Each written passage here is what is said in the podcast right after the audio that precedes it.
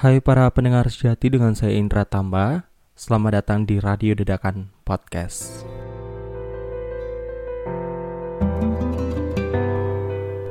Gak nyangka ternyata udah sampai episode ke-22 ya. Padahal kemarin itu aku ngerasa kalau nanti nih di episode ke-10 pasti bakal berhenti sih. Sama kayak channel-channel aku sebelumnya yang belum sampai ke postingan 20 aja udah udah berhenti sampai di situ. Tapi entah kenapa setiap aku buat podcast gitu uh, aku selalu dapat ide-ide baru yang ternyata malah yakin gitu malah malah buat aku untuk terus buat. Dan ini kayak salah satu contoh dari topik yang menurut aku secara tiba-tiba aku dapatin. Dan uh, ceritanya sih semalam aku ngechat sama teman aku dan dia bilang kalau podcast yang aku buat selama ini tuh masih belum relate sama kehidupan dia dan dia minta tolong uh, ceritain lah tentang anak-anak kuliahan dan anak-anak sekolahan yang sekarang itu akhirnya memilih untuk tidak lanjut kuliah dan memilih untuk melanjutkan kuliah. Dan sebenarnya di sini aku posisinya kan kebetulan kebetulan saja aku posisinya sedang dalam menjalani perkuliahan ya tapi sebelum itu sebelum jauh kita uh, bicarain topik ini posisinya aku bener-bener dadakan karena sebentar lagi aku bakal ngelanjutin les. Dan ini kayaknya aku nggak ngedit aku nggak nggak siapin materi yang akan aku bawain. Cuma aku hanya hanya untuk sampein aja beberapa hal yang mungkin teman-teman juga ngerasain dan teman-teman juga pengen gitu dengerin cerita-cerita yang aku bawain sesuai dengan mungkin yang uh, dirasain sama teman-teman sama dengan apa yang aku rasain selama ini. Dan sebelum jauh, ke sana, mungkin nanti ada sedikit kata-kata yang agaknya kurang berkenan atau mungkin nggak cocok sama teman-teman. Sekali lagi saya mengucapin uh, mari sama-sama meluruskan dan membenarkan kata-kata yang mungkin salah saya ucapkan. Dan uh, by the way, terima kasih buat teman-teman yang masih setia ya sampai di episode ke-22 ini nggak nyangka, benar-benar nggak nyangka.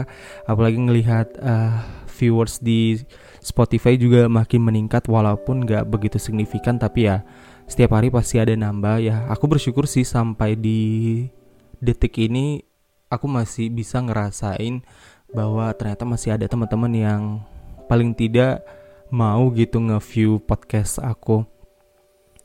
Dan untuk teman-teman juga yang mungkin sekarang sedang bekerja di luar, saya ucapkan eh saya, aku ucapin untuk tetap jaga kesehatan dan ya kita harus sama-sama menjaga kesehatan, jaga jarak, ingat bahwa ini pandemi nggak nggak boleh dianggap remeh ya karena udah cukup serius. Dan semoga aja teman-teman juga yang berada di garda depan sekali lagi semangat terus dan semoga sehat-sehat selalu ya dan untuk keluarga-keluarga yang masih senantiasa di rumah menunggu di rumah mari kita sama-sama mendoakan mereka menjaga kesehatan juga menjaga pola hidup dan topik yang pengen aku bawain sekarang ini jauh sebelum itu mari kita sama-sama bertanya sama diri kita sebenarnya kita mau bawa diri kita ini ke mana sih? Pertanyaan sederhana yang mungkin ngerasa sangat sulit untuk kita jawab pastinya. Dan di tengah pandemi seperti ini mungkin teman-teman yang sekarang udah lulus SMA pasti ngerasain gimana kehidupan selanjutnya. Baik buat teman-teman semuanya, uh, sebenarnya beginilah kehidupan yang harus kita jalani setelah SMA. Ada banyak hal yang benar-benar di luar dari perkiraan kita. Misal kayak kita bakal ditanyain kita akan lanjut ke mana, kita bakal ditanyain habis ini mau ke mana, kita bakal ditanyain sama orang-orang ketika kita hanya diam aja di rumah padahal sedang menunggu sesuatu.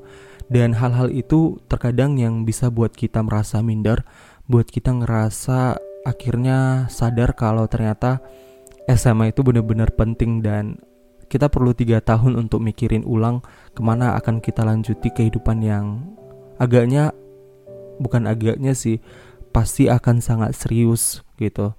Karena pilihan setelah SMA adalah pilihan di mana itulah yang akan menunjukkan bahwa kehidupan kamu akan sampai di mana gitu. Pembicaraan ini mungkin banyak pendapat dari teman-teman yang sekarang ngerasain harus berjalan ke mana di jalan yang mana dan aku coba ceritain satu persatu bahwa kehidupan aku setelah dulu SMA itu memang benar-benar di luar dari perkiraan aku. Awal aku kelas 3 itu aku memang sengaja untuk ngikutin salah satu les untuk masuk ke PTK ya perguruan tinggi kedinasan dan akhirnya hari-hari itu benar-benar cukup sulit aku jalani karena di kelas 3 itu ternyata selain kita ngikuti les di luar ada banyak pilihan-pilihan di depan mata yang bener-bener nentuin gitu kita mau ke mana terkadang kita terlalu asik gitu mikirin ah ini kayaknya enak ini jurusan ini ini bagus dan kita nggak mikirin prospek ke depan itu kita gimana kita pengen jadi apa dan itu yang sebenarnya yang terjadi sama aku waktu itu. Pas di kelas 3 itu akhirnya entah kenapa aku mutusin untuk les karena itu kayak aku jadikan jadi pilihan pertama karena kebetulan aku ngelihat senior aku masuk dan aku ngelihat gitu uh, kuliahnya kayaknya enak dan ya uh, setelah aku sadari ternyata PTK-nya juga bagus dan aku semakin termotivasi untuk masuk sana. Ya PTK itu adalah Politeknik Keuangan Negara Stan yang mungkin sekarang agak booming ya karena tutupnya bukan tutup sih, maksudnya mereka uh, untuk menunda pendaftaran khusus untuk tahun 2020 ini sebenarnya ada banyak pihak sih yang benar-benar ngerasain sedih apalagi mungkin kalian-kalian yang ngerasa uh, persiapannya udah matang dan aku ju aku juga dulu ngerasain hal yang sama. Dulu posisinya waktu aku kelas 3 waktu kelas 3 SMA itu ternyata aku akhirnya milih waktu kita kan itu ada pilihan untuk masuk ke perguruan tinggi negeri.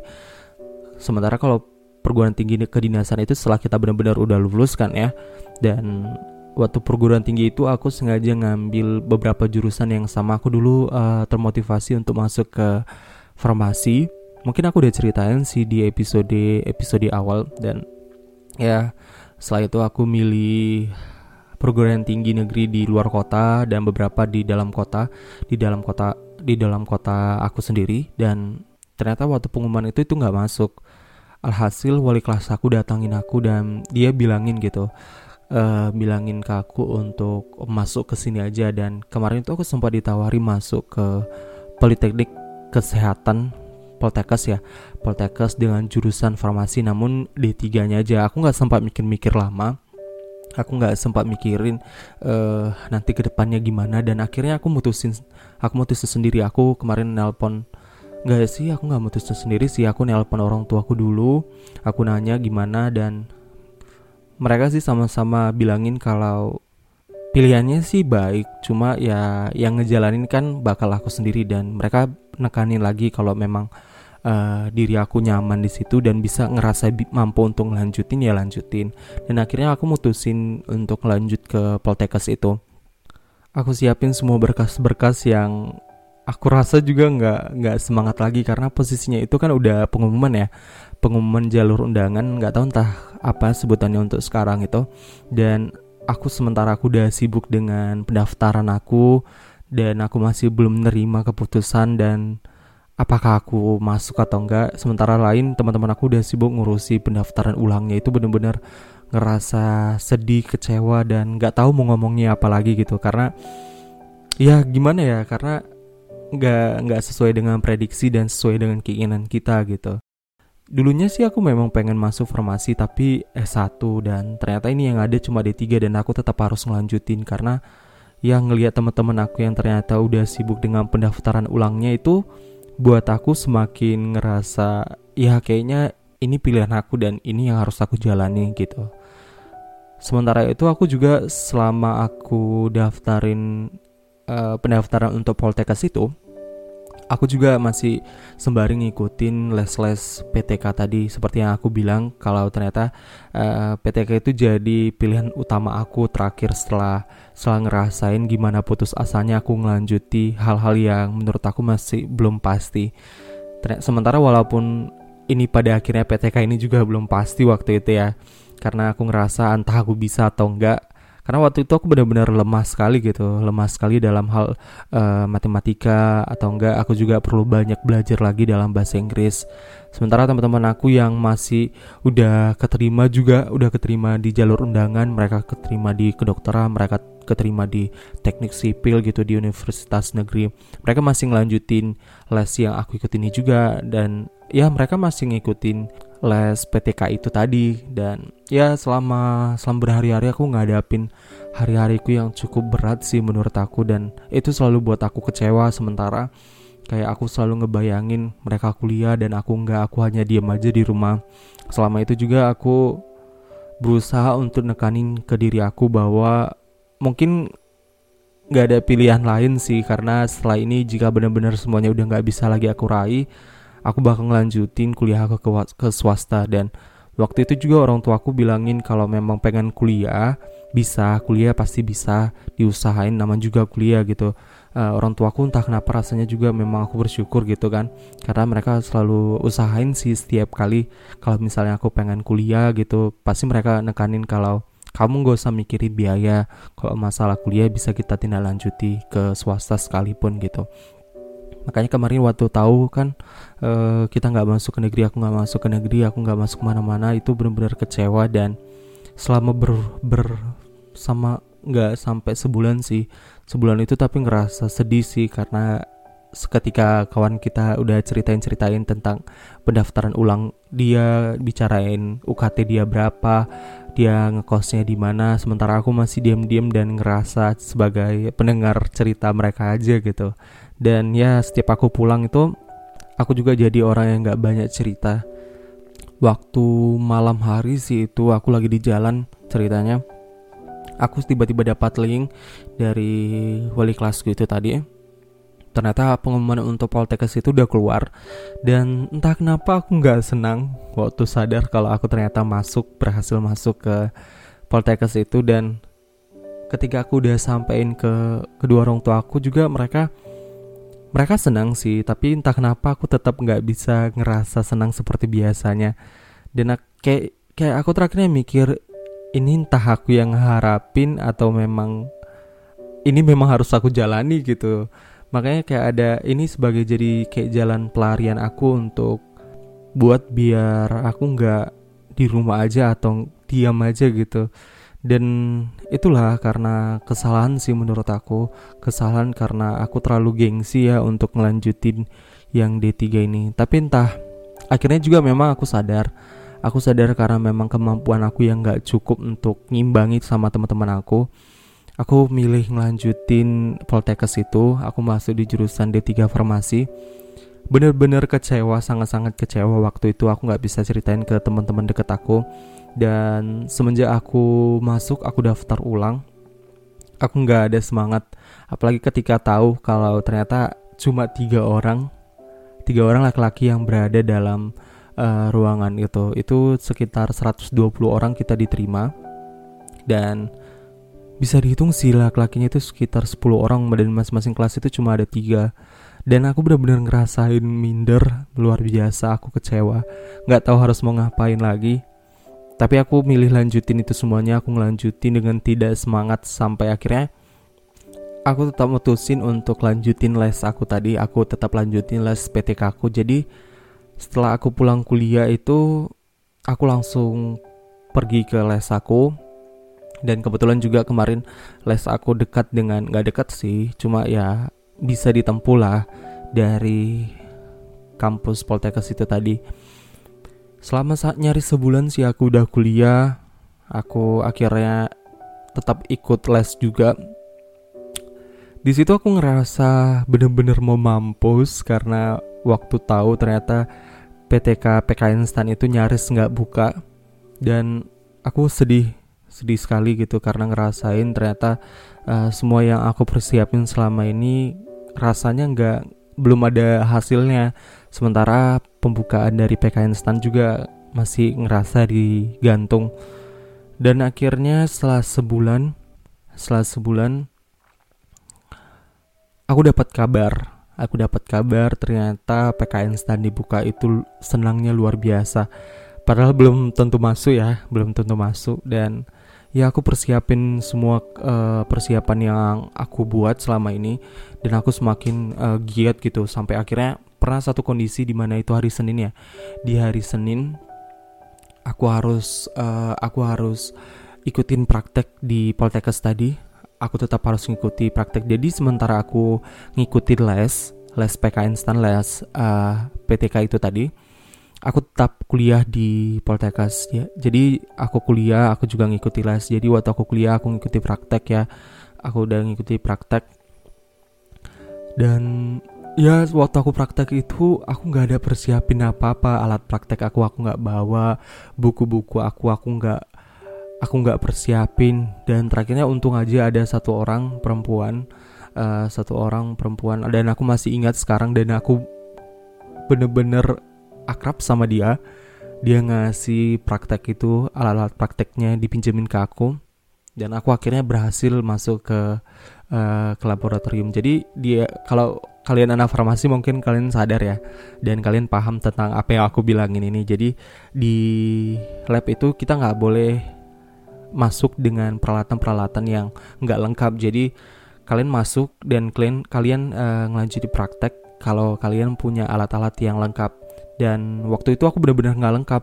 Untungnya teman aku yang perempuan tadi tuh ngasih semua alat praktek dia ke aku dan aku bisa ngelanjut itu. Karena gimana pun posisi aku untuk ngikutin uh, ujian PT, PTK itu kan masih belum jelas kan ya karena kemarin aku mikir kan aku harus tetap ngelanjutin perkuliahan aku ini karena rasanya ujian PTK itu masih menggantung sama aku maksudnya pilihan yang benar-benar udah pasti harus aku jalani adalah pilihan di sini di Poltekkes ini. Jadi gimana pun praktek-praktek uh, perkuliahan nggak pernah aku tinggal sih selama itu. Jadi uh, muncullah pengumuman itu kan, pengumuman menyatakan bahwa PKN STAN dibuka dan itu benar-benar senang luar biasa. Waktu itu aku langsung persiapin semuanya, aku persiapin kan. Dan sampai akhirnya di di ujian ya waktu ujian hari itu akhirnya aku milih izin. Aku milih izin aku kasih uh, surat izin aku untuk ngikutin ujian ini dan teman-teman aku agak nggak menyangka waktu itu waktu tahu kalau ternyata aku uh, sedang mengikuti les dan lagi mengikuti uh, ujian PTK ini dan beberapa teman aku ternyata juga ikut dan kita sempat jumpa di sana. Kita cerita tentang persiapan kita yang sama-sama ngebet juga masuk ke ke, ke dinasan ini. Dan waktu itu benar-benar ujian. Setelah ujian benar-benar aku udah aku udah pasrahin semuanya entah ke mana pun jalanku setelah ini. Karena waktu sebelum itu juga orang tua aku sempat bilangin gitu posisinya kalau memang aku pengen ngelanjuti farmasi ini aku bisa suatu saat aku pasti bisa jadi apoteker, aku bisa buka buka usaha sendiri. Dan kalau milih PTK ini aku pasti akan menjadi seorang PNS gitu. Dan ya kita tahu bahwa PNS itu bakal uh, punya waktu yang pasti eh, nggak uh, begitu banyak dibanding orang-orang biasa gitu kan. Mereka pasti bakal diatur dengan kondisi-kondisi tertentu. Dan orang tua aku menekanin itu kalau memang pengen kaya pengen kaya uh, jadilah seorang pengusaha. Dan kalau mau pengen kaya tapi jadi seorang PNS jangan jadi PNS gitu. Jadi kalau memang sekarang prospek aku itu ke depannya gimana ditanya orang tua aku. Dan aku ngejawab kalau ya aku pengen jadi seorang PNS dan aku pengen masuk ke kampus itu aja. Kadang ngerasain ribetnya kuliah di farmasi itu kemarin itu juga yang ngedorong aku untuk pengennya masuk ke PKN STAN gitu. Aku pengen masuk ke kedinasan itu. Dan akhirnya aku ujian di tahap pertama itu benar-benar aku ngeikhlasin semuanya apa pun hasilnya. Intinya di singkat cerita ya singkat cerita selama sebulan nyaris sebulan itu aku jalani kuliah aku dengan ya dengan berharap-harap cemas karena pengumumannya juga ngerasa sangat lama. Dan waktu itu aku udah di jalan untuk mau pulang. Akhirnya pengumuman itu keluar. Pengumumannya keluar dua hari kayaknya sesu uh, sesuai dengan tanggal yang udah ditetapin dua hari. Aku lulus tahap satu. Itu bener-bener bersyukur sekali gitu kayak ini bakal kulepas semuanya dan aku akan ngelanjutin ke sana gitu. Yang bener-bener sesuai dengan keinginan aku. Itu di tahap satu itu aku lanjut ke tahap dua. Aku lanjut ke tahap 2 tahap 2 nya itu lari. Tahap 2 nya lari dan kebugaran lah ya kebugaran dan jasmani aku aku lanjutin. Dan aku kan orangnya uh, aku tipe orang yang uh, jarang olahraga nih kebetulan. Jadi selama itu selama persiapan itu yang dilihat orang-orang aku biasa jarang lari jarang-jarang olahraga dan aku jadi orang yang sangat suka olahraga waktu itu. Dan di tahap 2 itu akhirnya aku ujian. Lagi-lagi aku udah tinggal kayak uh, berserah aja sih udah udah ikhlasin semuanya apa pun hasilnya. Kalau memang nyatanya aku nggak bisa ngelanjutin ini aku tetap milih kuliah aku di Poltekkes dan karena kebetulan semuanya juga udah dibayar kan uang. Aku udah bayar uang praktek di sana aku udah bayar uang kuliah di sana aku udah bayar uang buku di sana gitu. Nggak mudah untuk uh, masuk sana apalagi ke sini gitu. Karena aku ngerasa perjuangan aku setelah masuk ke PTK ini kan agak berat ada banyak hal-hal yang aku hadapi sebelum itu gitu. Jadi aku nunggu pengumuman tahap 2 itu. Dan akhirnya akhirnya aku lulus. Aku jadi aku saja di mahasiswa di sana. Setelah itu aku benar-benar uh, izin dari Poltekkes tadi aku keluar. Orang tua aku juga setuju untuk meninggalkan Poltekkes itu. Dan akhirnya aku melanjuti kuliah di PKN STAN sekarang. Udah cukup lama tapi aku masih ngerasa gimana perjuangan aku waktu itu Aku ngerasa kebimbangan berat yang luar biasa aku rasain waktu itu. Aku ngerasain jadi orang-orang yang cuma diam dan ngerasain gimana jadi orang yang akhirnya nggak punya kegiatan waktu itu. Dan aku bersyukur sampai sekarang bahwa Tuhan masih dengar semua doa-doa yang aku ucapin. Untuk itu mungkin teman-teman ngerasain ya. Untuk hal yang sama ketika udah nggak tahu lagi mau ngapain, nggak diterima di mana-mana, nggak diterima di PTK, nggak terima di PTN dan akhirnya milih diam aja karena nggak tahu mau ke mana. Sebenarnya dasar aku buat podcast ini adalah ketika tahu banyak orang-orang yang kecewa, apalagi buat teman-teman yang ternyata di belakang itu udah banyak sekali melakukan persiapan yang cukup serius untuk masuk ke PTK tadi teman-teman, uh, aku juga bilang ini nggak sebagai orang yang sangat bijak dan harapannya sih ini bisa ngeringani teman-teman semuanya bahwa bahwa sukses itu nggak harus sesuai dengan keinginan kita. Kadang Tuhan tahu gitu, Tuhan yang tahu gimana jalan jalan kehidupan kita dan kita cuma disuruh milih dan kita cuma disuruh uh, ngejalanin semuanya apa yang ada di depan mata ambil dan mungkin suatu saat Tuhan bakal jawab itu untuk di hari-hari kemudian yang kita juga nggak tahu kapan. Buat teman-teman juga yang ngerasa mungkin agak kecewa dengan hasil yang didapatin, mungkin nggak masuk ke mana-mana, nggak masuk ke PTN, sementara PTK PKN Stan juga tutup ya. Dia juga ngerasa berat harus melanjuti perkuliahan di swasta. Teman-teman semuanya, itulah artinya kalau kita nggak bisa nuntut semua yang kita inginkan harus benar-benar bisa terwujud. Tapi ya, mari jalani sekali lagi kehidupan yang mungkin sekiranya kalau memang belum dikasih kesempatan, kita jalani dengan hal-hal yang masih bisa kita lanjutin. Misal kayak harusnya kalian kuliah di PTN dan akhirnya hanya bisa kuliah di swasta. Jangan kecewa gitu, jangan kecewa jika jika memang rasa sangat minder harus diterima di kuliah swasta banyak kok teman-teman aku yang akhirnya milih kuliah swasta dan kerjaan-kerjaan mereka justru nyaris nyaris lebih bagus dibanding kita-kita yang kuliah di negeri, kita-kita yang yang masih ditempatkan di sekolah kedinasan gitu. Masalah prospek ya, mungkin teman-teman udah mikirin bahwa harusnya jadi seperti ini. Mungkin banyak yang cita-citanya udah masuk kuliah di PKN STAN di perguruan tinggi negeri sekali lagi teman-teman semuanya teman-teman aku juga banyak kok akhirnya mendapatkan hal yang dia inginkan.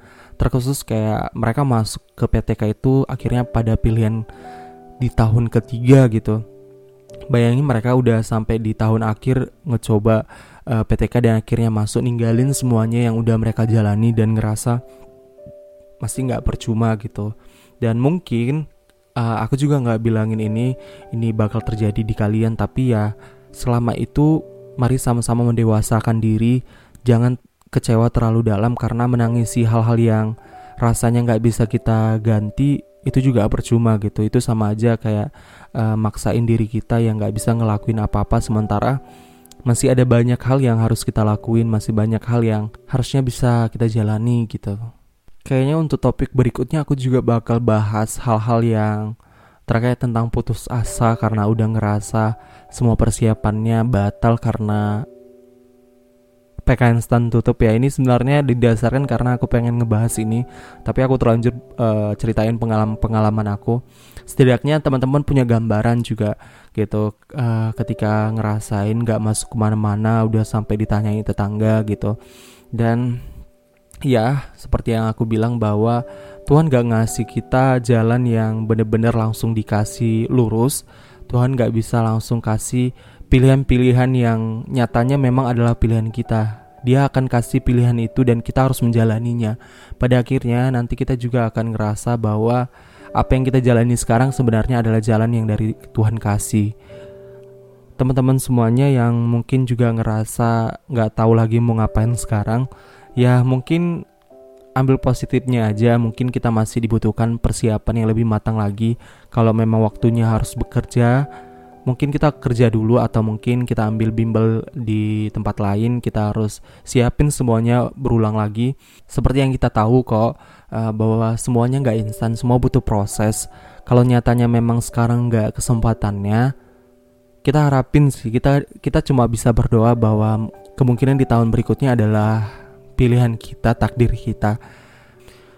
Aku bilangin sekali lagi, mungkin teman-teman yang masih ngerasa minder dengan pikirannya sendiri, aku mau ngucapin uh, beberapa hal sebelum kalian benar-benar mutusin hal-hal yang mungkin akan ngelanjuti kehidupan kalian bahwa gak ada sih perguruan tinggi yang jelek, gak ada perguruan tinggi yang ngajarin dan ngeluarin mahasiswa yang benar-benar menjadi orang-orang yang buruk di luar sana yang salah itu adalah dirinya sendiri. Yang salah itu yang buat kita bagus adalah kita sendiri. Di mana pun kita di mana pun kita kuliah dan apa pun yang menjadi kegiatan kita ketika kita menjadi orang yang baik semua hasil yang kita dapatkan semua hasil yang kita buat adalah baik ujungnya. Jadi buat teman-teman yang mungkin akhirnya terpilih di perguruan swasta jangan ngerasa minder karena kita harus tahu bahwa sukses itu nggak berasal dari orang-orang yang harus kuliahnya di mana, harus diajarinya dengan siapa, tapi orang sukses itu punya jalannya masing-masing dan kita nggak tahu cara kita sukses itu seperti apa. Jadi ya, mari sama-sama memahami bahwa ini hanya kebetulan kesempatan, ini hanya kebetulan bukan kesempatan dan kita masih bisa ngelakuin hal-hal yang jauh lebih berharga dibanding harus meratapi nasib, harus kecewa dengan keadaan. Kita jangan berhenti di posisi di mana kita nggak bisa ngelakuin apa-apa. Kita harus mencoba ngelangkah, kita harus coba untuk memulai harapan baru gitu.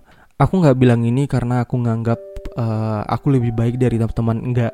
Karena mungkin yang aku rasain seenggaknya pasti ada yang kalian rasain gitu berada dalam posisi dianggap nggak ada apa-apanya dan ngerasa nggak bisa apa-apa dan terakhirnya ketika harus mencoba ternyata kita bisa gitu. Dan ya sekali lagi aku capin bahwa mungkin kesempatan gak sekarang. Ada banyak kesempatan-kesempatan lain dan di jalan lain mungkin kita bisa ngerahi jalan yang lebih serius lagi. Mungkin ini aja sih podcast kali ini. Terima kasih buat teman-teman semuanya. Tetap semangat. Jangan kecewa sama diri sendiri. Jangan kecewa dengan keadaan. Jangan nangisi keadaan yang belum pasti dan Jangan nangisi keadaan yang benar-benar nggak bisa kita ubah. Masih banyak hal lain yang seharusnya masih bisa kita gapai dan kita lakuin. Mungkin sekian podcast kali ini. Terima kasih buat semuanya. Terima kasih selama melanjutkan aktivitas. Tetap sehat, jangan keluar, jangan jangan ngeremehin pandemi ini. Semoga saja pandemi ini juga selesai dengan cepat. Kita harapin yang baik-baik aja untuk negeri ini ya. Dan buat teman-teman semuanya yang masih sibuk dengan tugas dan bekerja di luar tetap semangat jangan lengah ya. Jangan lengah jaga kesehatan dan ya stamina yang cukup buat ngerjain tugas yang cukup banyak mungkin sama-sama kita ngerasain. Mungkin sekian topik kali ini. Selamat melanjutkan kehidupan yang lebih serius lagi teman-teman. Jangan nangis ya karena mungkin kecewa sih harusnya ada dan ini tetap harus berlanjut lagi kehidupan kita masih panjang dan ini hanya segelintir dari kehidupan yang mungkin jauhnya mungkin uh, kesulitannya jauh lebih besar dibanding sekarang.